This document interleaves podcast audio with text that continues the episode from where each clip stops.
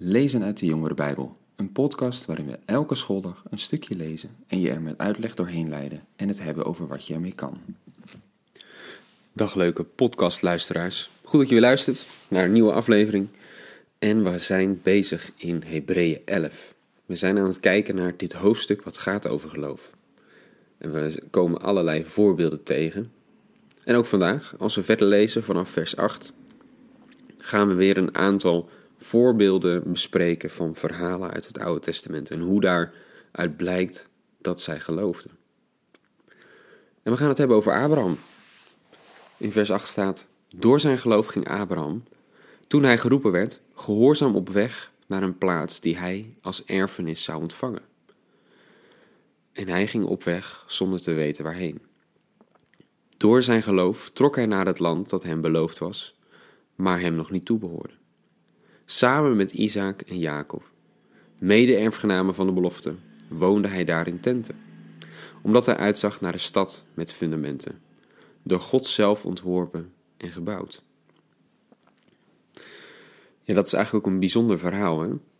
Abraham, als we de verhalen lezen, dan was hij best wel een belangrijk, een belangrijk persoon. Iemand met veel bezittingen, veel vee, veel slaven, grote familie. En hij kwam uit, nou ja, hedendaags Irak.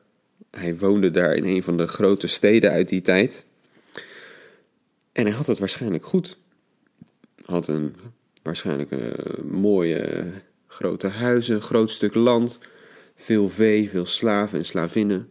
Hij was waarschijnlijk echt een belangrijk iemand daar. Woonde daar prima en op een gegeven moment ontmoet hij God. En God die zegt tegen hem: Ik heb een land voor jou. Dat beloof ik jou, dat, zul, dat zal jij of jouw nageslacht krijgen.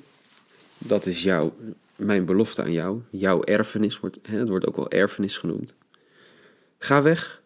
Laat alles, laat het allemaal achter. Neem je bezittingen mee. Ga uit je huis, uit je familie en ga op weg naar een land wat hij nog niet kende. En hij laat het allemaal achter, komt in het beloofde land, Israël. Maar in zijn hele leven heeft hij daar in tenten gewoond. En dat hij in tenten woonde, liet ook zien. Het was zijn eigen land nog niet. Hij kon er geen huis op bouwen en daar permanent blijven wonen. Nee, hij moest waarschijnlijk rondtrekken door een gebied wat niet van hem was. Wat een verandering met het land waar hij vandaan kwam. Maar God die had hem dat gevraagd. Hij had hem het land beloofd. En Abraham ging. Hij liet alles achter. Kan je moeilijk voorstellen, toch? Dat God nu komt en zegt: Ja, leuk huisje waar je in woont. Maar uh, ik wil dat je even gewoon je, je spullen pakt. Naar uh, Israël loopt. En je zal het in jouw eigen leven niet meer zien. Maar jouw kinderen na jou zullen het land krijgen ja, dat lijkt me heel moeilijk om daar inderdaad op zo'nzelfde manier blind in te vertrouwen en alles achter te laten. En daarom is het echt geloof geweest van Abraham dat hij toch op weg ging. En er staat nog bij, omdat hij uitzag naar de stad met fundamenten, door God zelf ontworpen en gebouwd. Helemaal aan het einde van de Bijbel lezen wij over een stad met fundamenten.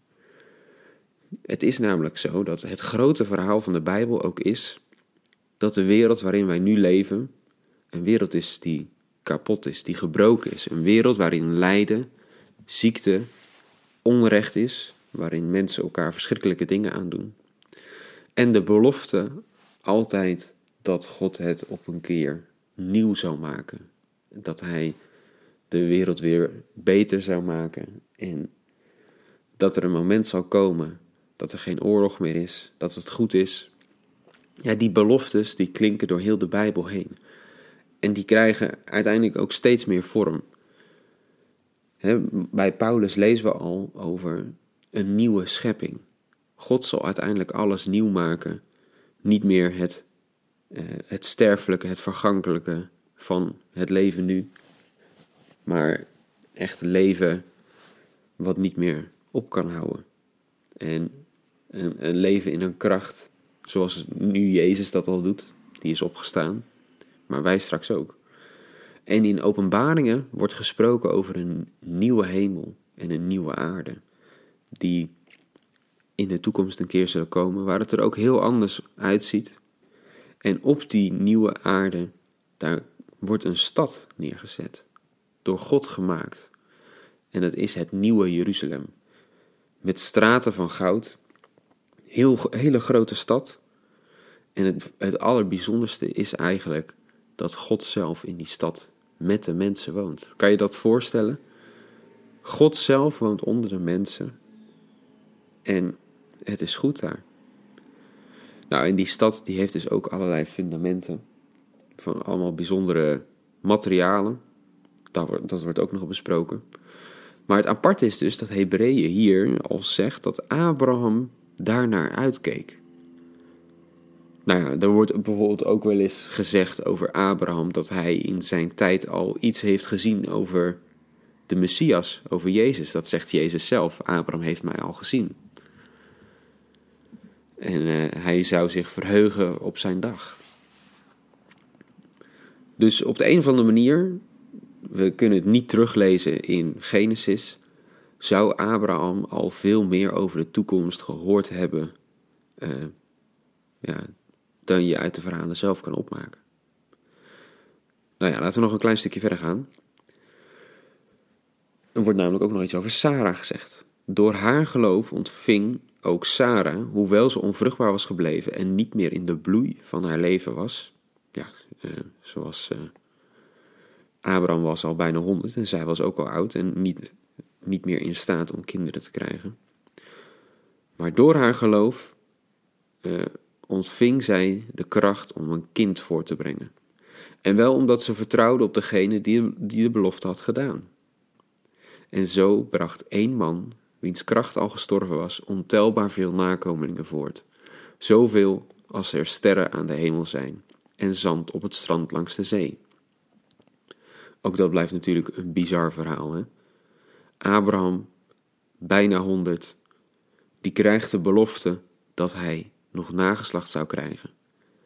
En hoewel hij donders goed wist dat hij al lang voorbij zijn vruchtbare periode was en zijn vrouw ook, zegt hij simpelweg: Oké, God, als u het zegt, dan uh, geloof ik dat, dan neem ik dat aan. En dat is geloof. Van God iets aannemen wat menselijkerwijs helemaal niet meer logisch is. En dan gewoon het als belofte aannemen en zeggen: Oké, God, als u het zegt, u kunt het, want God kan het natuurlijk ook. Als God alles gemaakt heeft, natuurlijk kan Hij dan ook nog een kind voortbrengen als je al zo oud bent. Natuurlijk kan hij dan al die dingen waarmaken die hij belooft. Het enige is dat je dan dus moet bedenken, ook al kan het menselijk gezien misschien niet meer, ik geloof dat er een God is en als hij het belooft, dan is het zo. Dat is dus geloof. En daarom zijn het ook allemaal mooie voorbeelden die zo genoemd worden. Laten we daar morgen nog maar op verder gaan, want uh, het hoofdstuk gaat nog verder en bespreekt dit nog meer. Maar ik denk dat we zo een mooi beeld krijgen, mooie voorbeelden krijgen van wat geloof in de praktijk eigenlijk is. Het heeft te maken met de keuzes die we maken. Of we inderdaad onze keuzes baseren op dingen die niet logisch lijken, maar door God beloofd zijn. Goed, morgen gaan we daar verder over nadenken. Tot dan.